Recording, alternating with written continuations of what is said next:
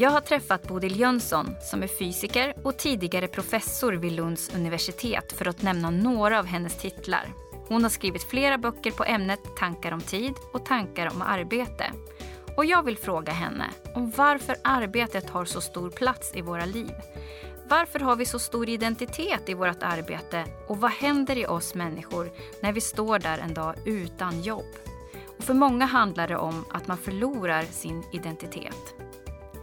Du lyssnar på Arbetsförmedlingens jobbpodd med mig Charlotte Lindman. Välkommen!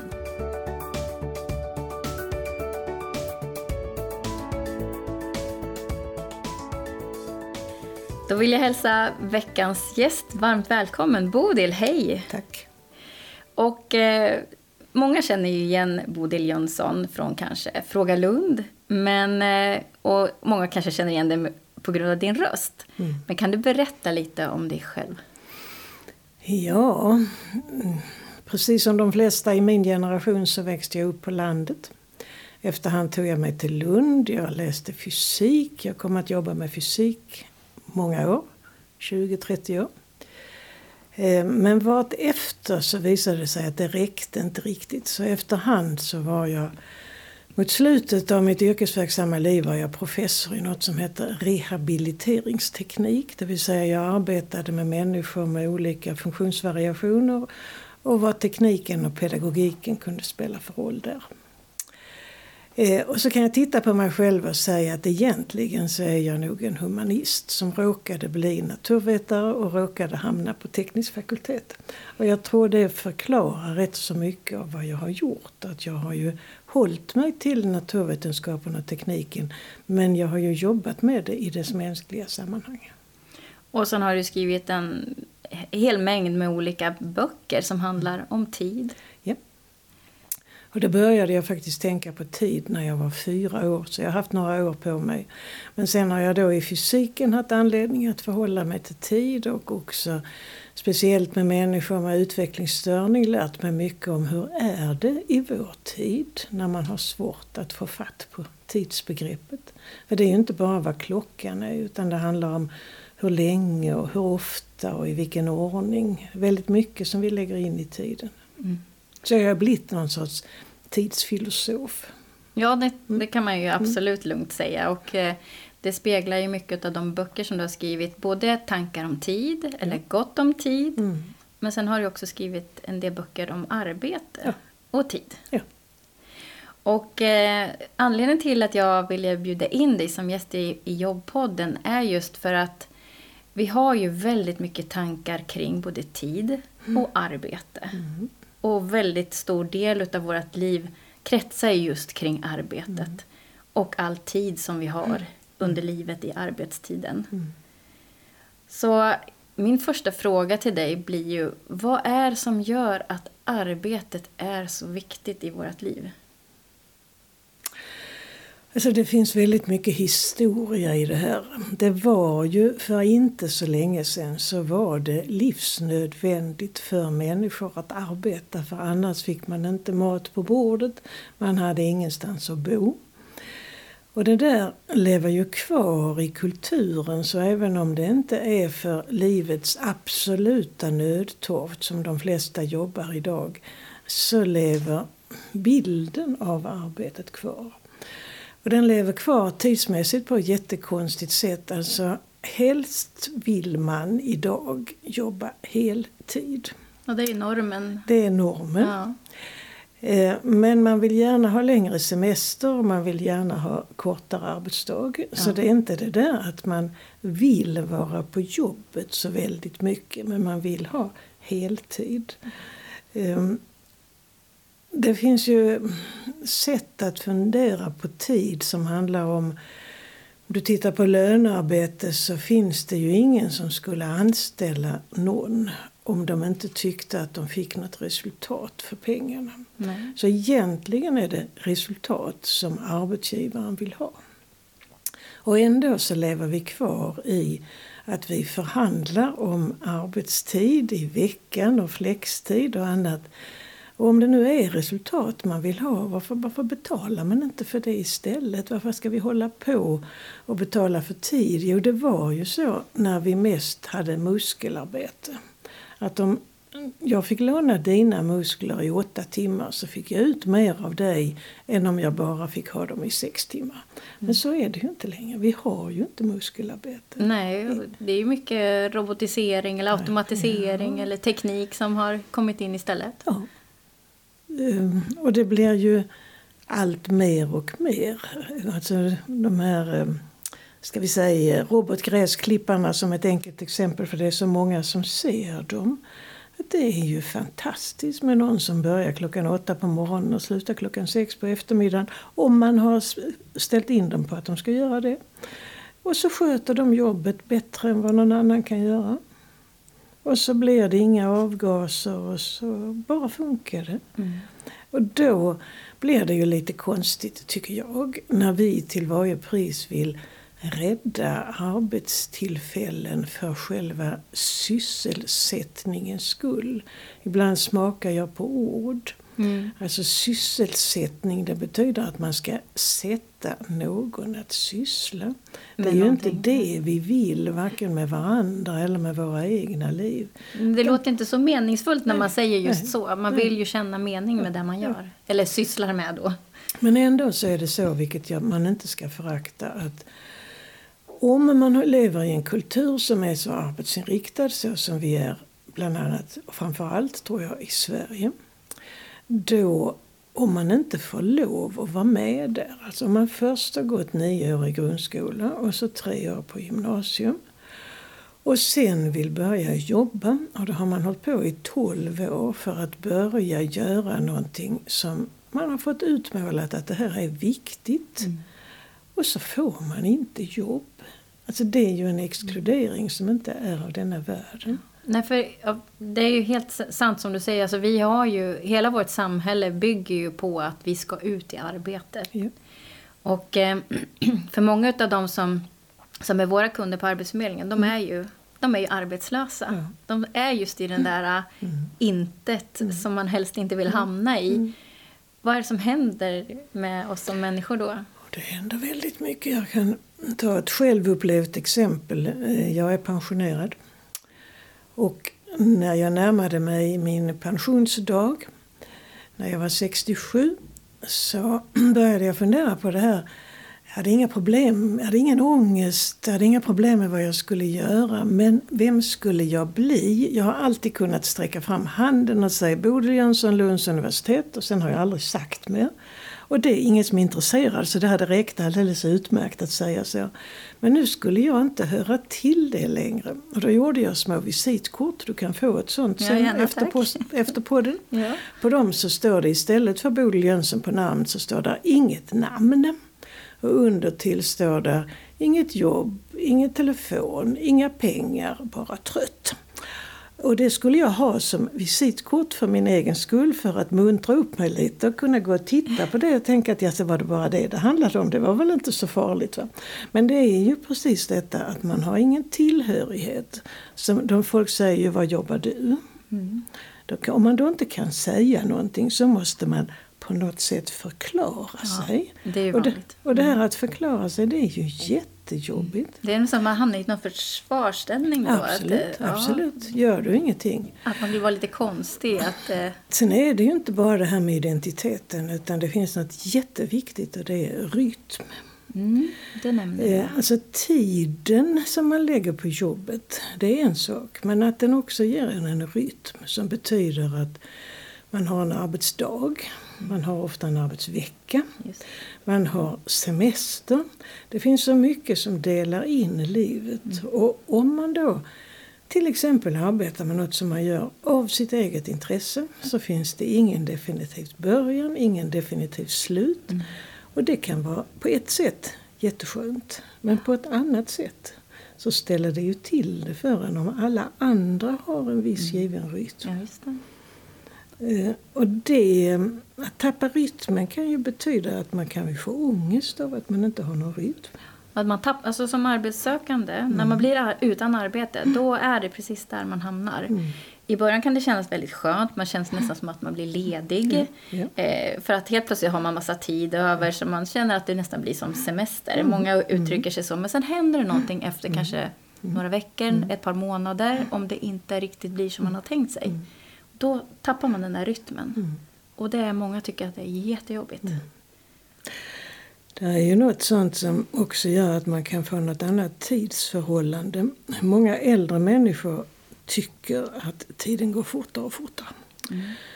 Och så får man lite ångest för det för då är snart livet slut. Och jag har bara ett råd till de som känner det så och det är har du inte någon yttre rytm i livet som någon annan har bestämt så måste du själv se till att du inför en rytm i livet. Alltså, till exempel så hemskt som att om man inte har något jobb att gå till att kanske ställa väckarklockan i alla fall. Ja. Försöka ha en ordning även på den vakna delen av dygnet så att man har något att hålla sig till. För att det du sa om att känna semester och känna frihet Ja men det finns ingen frihet om man känner att man är i en öken. Mm. Man måste ha några referenspunkter. Mm.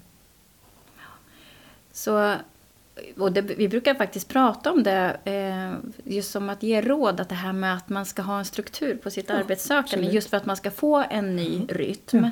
Men det kan ju ta väldigt lång tid mm. och en del behöver ju faktiskt ha hjälp med mm. att hitta den här rytmen. Mm. Men att ställa klockan på morgonen, det kan ju vara en sån klassisk sak. Mm. Men också kanske att man bestämmer vissa möten med vissa ja, personer. Absolut. Eller att man mm. har vissa saker eh, som man ska göra under en dag. Mm. Och det kan ju vara just att man ska ringa vissa samtal. Mm. Eller att man ska eh, besöka vissa företag kanske. Eller, för att man ska komma framåt. Jag vet inte om ni överhuvudtaget använder er av det. Men KBT är ju väldigt bra i många olika sammanhang. Det är också bra för att lära sig en rytm. Ja, berätta om, om det. Hur skulle man kunna använda sig av det? Alltså en kognitiv beteendeterapi som det betyder KBT. Det är ju bara att man får lite hjälp med att systematiskt öva in en struktur. Det är inte konstigare än så men de har ju så bra resultat. Man kan med hjälp av KBT eh, arbeta bort sin hissfobi, man kan arbeta bort sin tidsångest. Det måste ju vara väldigt väl anpassat efter just detta. Jag har, tänkte på det först nu, jag har aldrig sett någon KBT för att skaffa rytmen. För mig är det liksom självklart att det är bara att sätta sig och fundera på hur skulle vi göra för detta? Och det går att göra. För det är inte så lätt, det vill säga man kan behöva hjälp. Eh, om jag, det låter hemskt tråkigt, jag skulle själv aldrig göra det, att ställa väckarklockan i, i, i onödan. Ehm, och det är ju inte det heller, det är inte att man ska vara präktig och gå upp på morgonen. Man ska få en rytm som faktiskt styckar upp dygnet så man har något att hålla sig. Jag tänker att det kan också kännas mer meningsfullt. Det kan, vara, det kan ju vara så enkelt att man faktiskt eh, går en promenad eller mm. går ut och springer eller Absolut. att man ska gå till gymmet och Absolut. träna. Eller, Absolut. Det behöver inte vara så mm. överarbetat eller så avancerat. När du säger så så tänker jag att vad som helst, bara inte stillasittande. Det finns så mycket som händer i en människa vid rörelser. Mm. Rör på dig. Mm. Det är också en sån här eh, allmän hälsovetenskap att vi mår så mycket bättre då. Eh, man ordinerar ju promenader också för att komma ut ur eh, djupa depressioner. Och det har visat sig väl så viktigt som somliga mediciner. Mm. Röra på sig, röra mm. på sig, röra på sig. Och det sker något i huvudet då också. Mm. Det är inte bara kroppen. Och där, där har man ju också sett att vetenskap säger ju att hjärnan också utvecklas ju av rörelse. Absolut. Absolut. Mm. Men vi är ju som du nämnde tidigare det här med att eh, vi har ju väldigt stor fixering kring arbete. Eh, och i en av dina böcker, eller flera av dina böcker, så skriver du att egentligen så är det ungefär bara 15 procent av livet som är arbete. det, får jag, det får jag nog gå igenom. Ja. men, det, det vill ingen tro. Nej, det nej. låter ju väldigt lite. Men för känslan av att arbetet har ju en så oerhört stor plats mm. i livet. Mm. Varför är det så då? Jag får jag börja med att det har det inte alltid haft. Det låter ju alltid som att man arbetade mer förr. Men det beror alldeles på hur man funderar över arbete. För den som var fabriksarbetare på pappersbruket där jag växte upp. Alltså de tänkte inte på jobbet mellan det att de hade gått ut genom fabriksporten på eftermiddagen, kvällen ena dagen och till de gick in nästa dag. Jobbet var något som man gjorde där. Man loggar på och loggar av. Man loggar på och loggar av. Ja. Och man kunde ju inte utföra sitt fabriksarbete någon annanstans. Utan då gick man hem och man kunde få gå jättelångt för att komma dit. Men när man hade kommit hem så klädde man om för att då göra det som behövde göras hemma. och sådär. Men fabriksarbetet var på fabriken och resten var här. Men om man tar det här med hur många procent vi arbetar idag. Så om man jobbar 40 timmar i veckan, vilket är normal arbetstid. Så kan man säga att för många är det då 8 timmar måndag till fredag.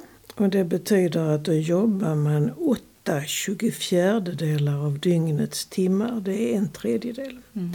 Och det blir inte mycket siffror i det här men en tredjedel det är 33 procent. Ja. Så jobbar man inte på lördag söndag Nej.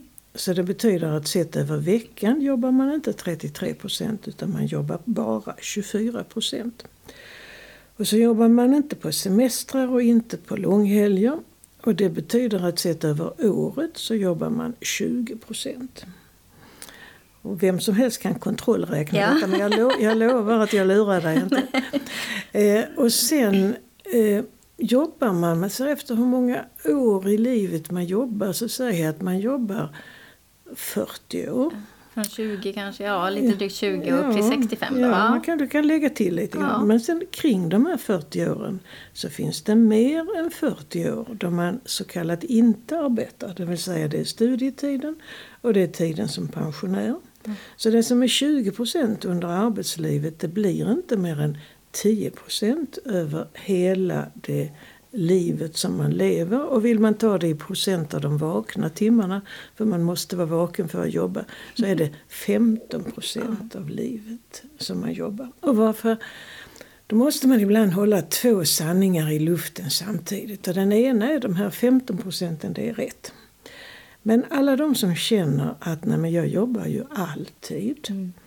Och det är inte bara de själv som tycker det utan deras barn kan tycka att du jobbar ju alltid. Och deras föräldrar kan tycka att du jobbar ju alltid. Ja, du jobbar jämt. Det precis. Eh, och så, om det nu ska vara sant det här med de 15 procenten och samtidigt vara sant känslan att jag jobbar alltid. Så får man börja iaktta sig själv. Vad är det det första jag tänker på när jag har vaknat? Mm. Om första tanken är, och det är detta jag ska göra på jobbet idag. Och det kan vara en positiv tanke och det kan vara en negativ tanke. Men det är ändå jobbet det rör sig om. Skyldig. Du är en som var skyldig Ja. där ja. Och det är många som är skyldiga till det. Man äter frukost. Kan man börja lyssna på vad är det egentligen som alltid ingår som man säger någonting. Om man äter frukost ihop i en familj, alltid är det någon som säger något om jobbet. Och så åker man till jobbet och sen så jobbar man lite och så är det förmiddagsfika och då snackar man jobb och så fortsätter det så hela dagen och så är jobbdagen slut. Och så kommer man hem och så tänker man att jag hann inte färdigt med det och det så det får jag göra nu. Det vill säga, det så väldigt mycket tid då vi egentligen inte jobbar. Men vi tänker på jobbet. Och jag fick ett roligt exempel. Det här har jag inte skrivit om någonstans. Men jag höll en, arbetsför, en, en arbetsföreläsning i Göteborg. Ja. Och efteråt så stod det kvar fyra tjejer i 30-årsåldern. Och den ena hon högg mig i armen och sa nu måste du stanna här, du måste höra på. Du vet Astrid Lindgren och hennes syster. När de blev gamla så ringde de ofta till varandra men det var ändå alltid någon som hade blivit sjuk sen sist och det var inte särskilt roligt. Ibland var det till och med någon som var död. Så de hade bestämt sig för, Astrid Lindgren och systern, att de skulle säga Första de sa så var det döden, döden. Och sen fick de inte prata mer om det. Så var det under. Och nu hade de här och så. tjejerna fått associationen under min föreläsning. När vi ringer till varandra nästa gång så ska vi säga jobbet, jobbet. Och sen får vi inte prata mer om det. Smart. Och precis när jag kom så hade en av dem sagt Men vad skulle vi då prata om? Och det var ett bättre exempel än vad jag någonsin har kunnat kläcka på eh, hur upptagna vi är av att prata jobbet. Man pratar om sin dåliga chef, man pratar om sina nya projekt. Ibland har det gått jättebra och ibland ska man åka på tjänsteresa och det kan vara hur roligt som helst. Men det är ju det. Så när de står där det föreföll mig som att det var goda väninnor, de hade alla barn, jag pratade lite mer med dem. Men det pratade man inte om, man pratade om jobbet. För det verkar ju som att ändå jobbet kommer på första plats ja. i, i, livet ja. när man just pratar om vad som ja. kan vara bland det viktigaste. Så är det. Så är det. Och då, då är det just det här när man då ställs utan arbete. Mm. Mm. Då vänds det där Absolut. helt upp och ner. Absolut. För många är det här en livskris. Ja. Ja, jag menar att alltså man, man får inte lov att göra så i ett samhälle och i en kultur att man hyllar arbetet så mycket mm. och samtidigt förvägrar somliga att vara med där det roliga sker. Mm. Sen är det ju som bekant så att väldigt många också idag har arbeten som de inte tycker är särskilt roliga. Men de har ändå sin identitet. Mm. Och det gör att man klamrar sig fast vid det. Men det finns så mycket som om vi bara om vi bara kunde slappna av och inte vara så oerhört fixerade vid att arbete måste definieras så som det alltid har gjort. Men då är det så svårt som individ att definiera om det för det måste ske nästan samtidigt. Att samhället ändrar sig, arbetsgivarna ändrar sig, eh, attityderna ändrar sig. Och då kan vi kanske dra in fenomenet eh, medborgarlön i mm. det här mm. sammanhanget. För det är ju väldigt eldbefängt. Inte ska den ene få betalt för att göra ingenting medan jag jobbar och betalar skatt. Så här mm. vill somliga inte ha det. Mm. Och i andra änden så finns det då att det är ju som du vet, det, tar vi ungdomsarbetslösheten så löser den sig relativt snabbt för de allra flesta. Men det gäller att man ska vara född i Europa. Mm. Det gäller att man inte ska ha några större funktionshinder.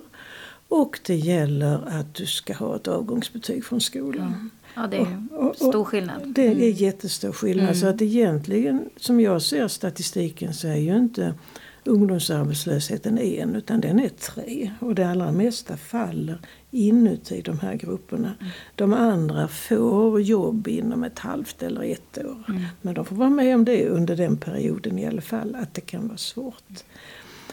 Um, men om det nu ska fortsätta så här så att man inte kan hantera till exempel robotiseringen som kommer, där det kommer många sådana här övergångsfaser och man kan inte konstruera nya jobb och jobb konstrueras inte alltid av sig själv. Och då kan det bli att det samlas ännu mycket fler i de här grupperna. Och då måste man ju på något sätt hitta någon lösning. Och då kan jag säga att medborgarlön kan väl vara en. Men så kan man vända på detta och säga att jaha. Och så har vi en klimatkris som de flesta nu börjar erkänna. Jag, jag kan ju tycka att just ungdomar idag. Alltså, jag har själv en 17-åring hemma. Och, eh, och kompisarna omkring det. Så de har en annan attityd kring det här med, med arbete. De mm. tänker inte riktigt på samma sätt Nej. som vi. Eller Nej. den generationen som, som jag är i och min, man säger, min mamma och pappa. Som har jobbat och jobbat på. Mm. Man vill gärna tjäna mm. pengar men vill inte jobba så mycket. Och sen har man också det här med miljöfrågan som är stor och viktig. Och den, den där första delen om att man vill jobba och kanske jobba på ett annat sätt. Eh, där har ju gigekonomin tagit över en del. Och de jag pratar med storstadsungdomar eh, man säger, ja men saknar du inte, vet vi andra, vi har ju sån arbetsgemenskap på jobbet och så. Och de är ju fullständigt oförstående. De har ju, deras kompisar mm. Finns också i gigekonomin. Mm. Så de har ju på det sättet någon arbetsgemenskap i alla fall. Sen har den väldigt massa nackdelar av de fackliga varianterna. Man får ingen ordning, man kan bli felutnyttjad. Men man har, precis som du säger, ett annat förhållningssätt till jobb. Tror du att det kommer att ske någon förändring här liksom under kanske kommande generation just kring inställningen till arbete? Från att jobba så otroligt mycket och att det tar så mycket plats i mm, livet mm. till om vi tänker oss kanske 20-30 år framåt? Den stora, största förändringen den har skett i Japan. Där man ju är ännu mer extrem på att vara, har varit på att vara lojal mot sin arbetsplats och det har varit livets innehåll. Och där vill ju den yngre generationen inte alls ställa upp på samma sätt. Eh, så att det går säkert åt det hållet men jag börjar tänka på att det kan få ytterligare fart om jag återvänder till medborgarlönen.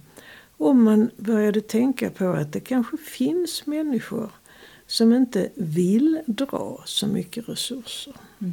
Och vill man inte dra så mycket resurser då behöver man inte så mycket pengar.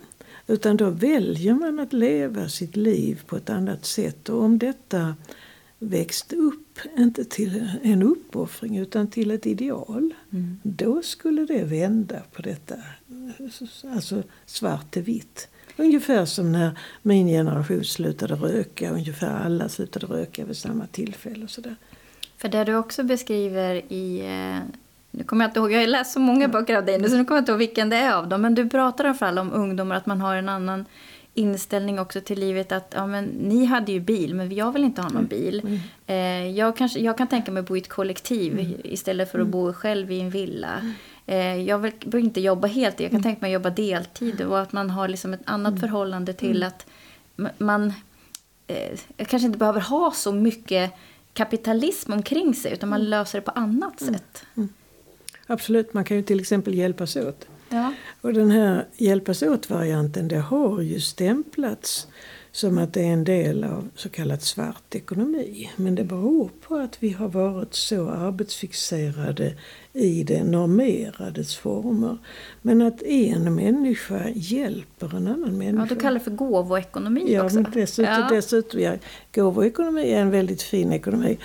Men, men vi kan hoppa över egentligen hela ekonomin och säga att man behöver ett antal saker i livet. Och somliga av dem kan man köpa som varor eller som tjänster. Eller kan man till och med få dem genom att man har någon god vän som gärna hjälper till. Och så kanske man själv också, det är någon sorts bytesekonomi, hjälper till tillbaka. Och det här är inte till för att ersätta pengar, för pengar behövs de också. Men det skulle inte skada oss om vi hade kunnat ge och ta emot lite mer hjälp. Eh, för då kommer det sådana här fina starka ord som tillit. Vem är det egentligen man litar mm. på? Jo, man litar på människor som man har lärt känna och ofta som man har ganska länge. Det är de som är ens vänner. Jag brukar ibland säga att man ska göra skillnad på somebodies och anybodies. Ja. Och det betyder inte att jag på något sätt vill säga att anybodies inte skulle omfattas av mänskliga rättigheter och att vi inte skulle vara schyssta mot alla människor vi råkar träffa. Men eh, det är ju inte så att andras barn är lika viktiga för mig som vad mina barn är. Mm. För de har jag haft längst. De har haft mig längst. Vi är mm. inflätade i varandras årsringar. Och den här politiska korrektheten som vi försöker åstadkomma när vi säger att alla människor är lika värd, mycket värda. Mm. Ja, alltså, mänskliga rättigheter, FN-deklarationen, alla 30, jag kan skriva under på varenda en. Men det är väldigt abstrakt. Mm.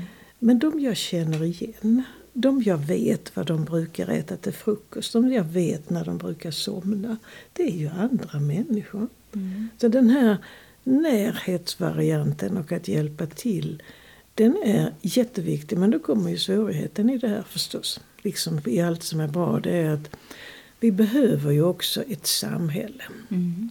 Och samhället, ett, ett av samhällets viktiga uppgifter, det är att omfördela resurser. Mm. Och om man inte betalar så mycket skatt så blir det inte så mycket resurser att omfördela. Mm. Så hur skulle man kunna tänka då? Och då räcker det ju bara att tänka ett litet steg tills så kommer man på har vi hittat på det här att vi ska betala skatt på just arbetsinkomster. Mm. Vad är det som gör att samhället vill beskatta arbetsinkomster? Ja, det är lätt att säga varför, för det är sånt som man kan kontrollera Mm. och det är givet. Men egentligen så säger ju vårt samhälle att det viktigaste vi kan göra är att arbeta. Och är det så så skulle man inte behöva skatta så mycket för det. Då fick man ta skatten på någonting. Alltså allting, allting hänger ihop men allting går också att tänka om. Mm. Men arbetet är det som det verkar svårast av allt i Sverige just att tänka om. Vi är, Sverige är ju eh, ett av världens eh, länder också som har störst arbetskraft, alltså som vill vara med i arbetskraften Ja. också.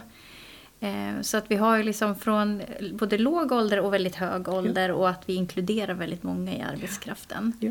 Eh, vilket kanske också komplicerar till det lite mer egentligen. Att fler vill vara med fast det är ju bra. Mm. Så självklart är det ju bra också. Eh, men då innebär det att det är fler som ska vara i just det här arbetsfältet. Som ska inkluderas i, återigen då det här åtta timmars arbete varje dag och så vidare. Och det betyder också att man har plockat bort systematiskt marginaler i livet. Eh, jag växte upp med en mamma och en pappa som båda förvärvsarbetade. Men för mamma och för alla papporna så var det så. Och det var katastrof när snickaren längs bygatan, han hade plötsligt inget jobb. Det fick han sen, men det gick lite upp och ner. Så. Men alla tanterna längs min barndomsgata, de var hemmafruar, utom min mamma. Men det betydde att det fanns alltid någon som kunde sätta plåster på ett knä när man trillade. Och det var satt i system det här att det var ju en, en väldig trygghet även för mig har jag tänkt på efteråt. Eh, för dem själva så var det bara så som det var och för övrigt så hade de varandra och de uppfyllde ju också normen på den tiden. Och sen kom det eh, samtidigt utbyggnaden av äldreomsorgen och barnomsorgen och väldigt många kvinnor kom in i arbetslivet samtidigt och nu är det ju precis som du säger, det här är norm och det är så det ska vara. Men det betyder ju att det finns inga marginaler i ett hem. Till exempel för vård av sjukt barn när man kan vabba. Eh, men det ställer ju till det på arbetsplatserna för det är gjort så att som jag tror ingen tänkte på det förr. det var så självklart att det fanns marginaler till att sånt kunde ske. De jobbade hårt också, hemmafruarna, på hemmaplan för de hade inga tvättmaskiner och de hade lite dåligt med det mesta av de praktikaliteter som vi har idag. Men om det var någonting som hängde upp sig så kunde de alltid fixa det. Men om vi till exempel, om sotaren ska komma, sotaren meddelar att han kommer klockan 11 en tisdag. Vem är hemma klockan 11 en tisdag? Alltså, alla, sm- alla små saker ställer Ja. till det. För du pratade också om det här med att man om man skulle ha eh, istället för sysselsättning så pratar du kanske om medborgararbete eller Mm. medborgarlöner. Men för att vi har ju ändå ganska, vi har ju väldigt mycket arbeten som inte blir gjort idag. Absolut. Som är jätteviktiga. Absolut. Absolut. Eh, och att man skulle kunna få personer som utförde det här för att få också den här meningsfulla delen av sitt liv. Eh, Men hur skulle det kunna se ut? Ja, Jag skulle nästan vilja omformulera frågan Ja. och säga vem skulle börja? För det är precis Ja. så. Om bara någon börjar, vågar börja. Och det kan inte vara en individ utan jag menar om någon del av samhället på nationsnivå eller kommunnivå eller någonting annat ännu lägre ner. Men att man vågar börja öppna för sådana här möjligheter så kan man inte, man kan inte måla ut alltihop detta från början och säga så ska det bli. Utan jag tror att vi skulle forma det själva och vi kommer att forma det själva som du säger med unga människor och en annan ingångsattityd. Men det är inte så lätt heller att vara 18 år idag så kan man säga som du sa innan man har flyttat hemifrån men så vill man flytta och då måste man ha pengar till hyran och då blir det inte så lätt längre och då hamnar man in i den gamla normen. Men att någon måste våga börja. Mm. Och som sagt, det kan hända att detta blir en av de saker som klimatkrisen kommer att hjälpa oss med. Mm. Innan vi avrundar den här podden idag så tänkte jag att jag ska prata om just när man går in i arbetslöshet också eh, så får man ju väldigt mycket mera tid mm. Över. Mm. Just det här att man får tid mm. över. Eh, men att den tiden kan ju vara så stressande. Mm. Vad händer med oss just, du som är så mm. inläst just på tid. Mm. Vad händer med oss när vi får så här mycket mera tid? Varför blir vi stressade?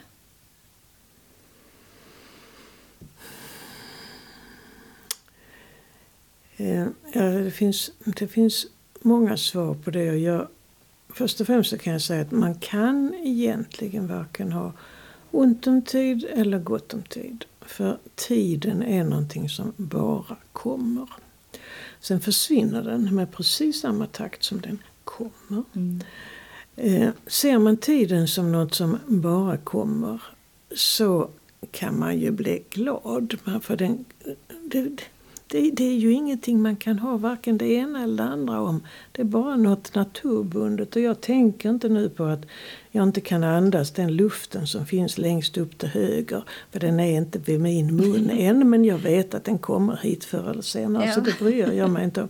Och samma förhållningssätt borde man kunna ha till tiden men det kan man inte. Utan antingen så kan man tycka att man har gott om tid eller kan man tycka att man har ont om tid. Eller tänker man inte på tiden överhuvudtaget vilket ofta är det allra bästa. De som tycker känner det här hemskt att ha så mycket tid över. Det dels kan vara unga människor som inte har något att göra men det kan också vara äldre människor som sitter och tittar på en klocka och tycker det är en oändlighet från att minutvisaren tar ett hack till det den tar nästa hack. Mm. Och det handlar nästan alltid om att man har för lite att göra. Mm. Och det är någonting i att vi människor, vi är handlande varelser. Om jag bara sitter här och pratar med dig så kan jag få lite återkoppling från dig och du kan nicka och du kan skaka på huvudet eller du kan se undrande ut. Men det är inte mycket till återkoppling. Men så snart jag gör någonting så får jag återkoppling på att någon reagerar och tycker att det här var jättebra eller det var jättedåligt. Men den här återkopplingen det är ju den som formar en som människa och som ständigt ger dig någon identitet. Som en belöning då? Som, en, som, en, som en, en bekräftelse? Ja, ja en, vi kan säga bekräftelse, vi kan säga belöning, vi kan också säga bestraffning. För man mm. kan ju bli tillrättavisad också ja. för att man gör så kallat fel. Ja. Men om man då är utanför och har en väldig massa tid och den leder till att man inte längre gör någonting. Alltså inte ens rör på sig, inte ens går ut på en promenad. Då är det ju inte egentligen tiden som blir lång eller som blir över utan det är ju själva livsångesten som verkar fram för man får ingen återkoppling. Mm. Jag tror det är det viktigaste. Det låter ju som att det är en av våra viktigaste eh, kan man säga, just att återkopplingen kommer och bekräftelsen kommer. Det är mm. liksom det viktigaste för att vi ska få någon sorts tillfredsställelse. Eller känna någon sorts ja, harmoni mm. eller, mm. i livet. Tillfredsställelse är ett jättebra ord men det, jag tror det är ännu mer existentiellt än så. Mm. Det är faktiskt en bekräftelse på att jag finns. Om jag inte får den bekräftelsen då blir livet hemskt. Mm. Har du något bra råd till personer då som kanske känner just den här känslan av otillräcklighet eller att man inte har den här meningsfullheten? För det är många som känner så, som faktiskt är arbetslösa och kanske varit det under lång tid. Mm. Jag har ju egentligen redan sagt att det första det är ju gör något. Alltså, rör på dig, det blir banalt men det är inte så dumt. Gå någonstans, eh, fundera lite men gör saker. Alltså, alltså, till och med sätta igång och snickra, handarbeta, läsa. Alltså allt möjligt som innebär handling och helst en sån handling där du märker att du får mycket återkoppling. För då blir man någon. Man blir kanske inte den man vill vara men i varje fall att bli någon det är bättre än att vara ingen. Då tackar jag så jättemycket för att du vill komma och berätta om alla dina kloka tankar om tid och om arbete. Tack.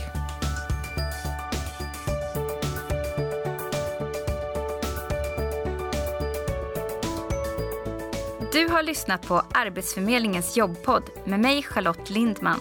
Dagens gäst Bodil Jönsson, tekniker PG Nordström. Nästa vecka är vi tillbaka igen med ett nytt avsnitt och en ny gäst. Har du tips på vad vi ska prata om i jobbpodden skriv då till jobbpodden snabel arbetsförmedlingen.se. Vi hörs!